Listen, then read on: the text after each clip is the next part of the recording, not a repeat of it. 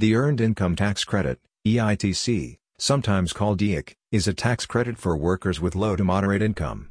Eligibility for the tax credit is based on various factors including family size, filing status and income. Let's look at the complete process of Earned Income Tax Credit.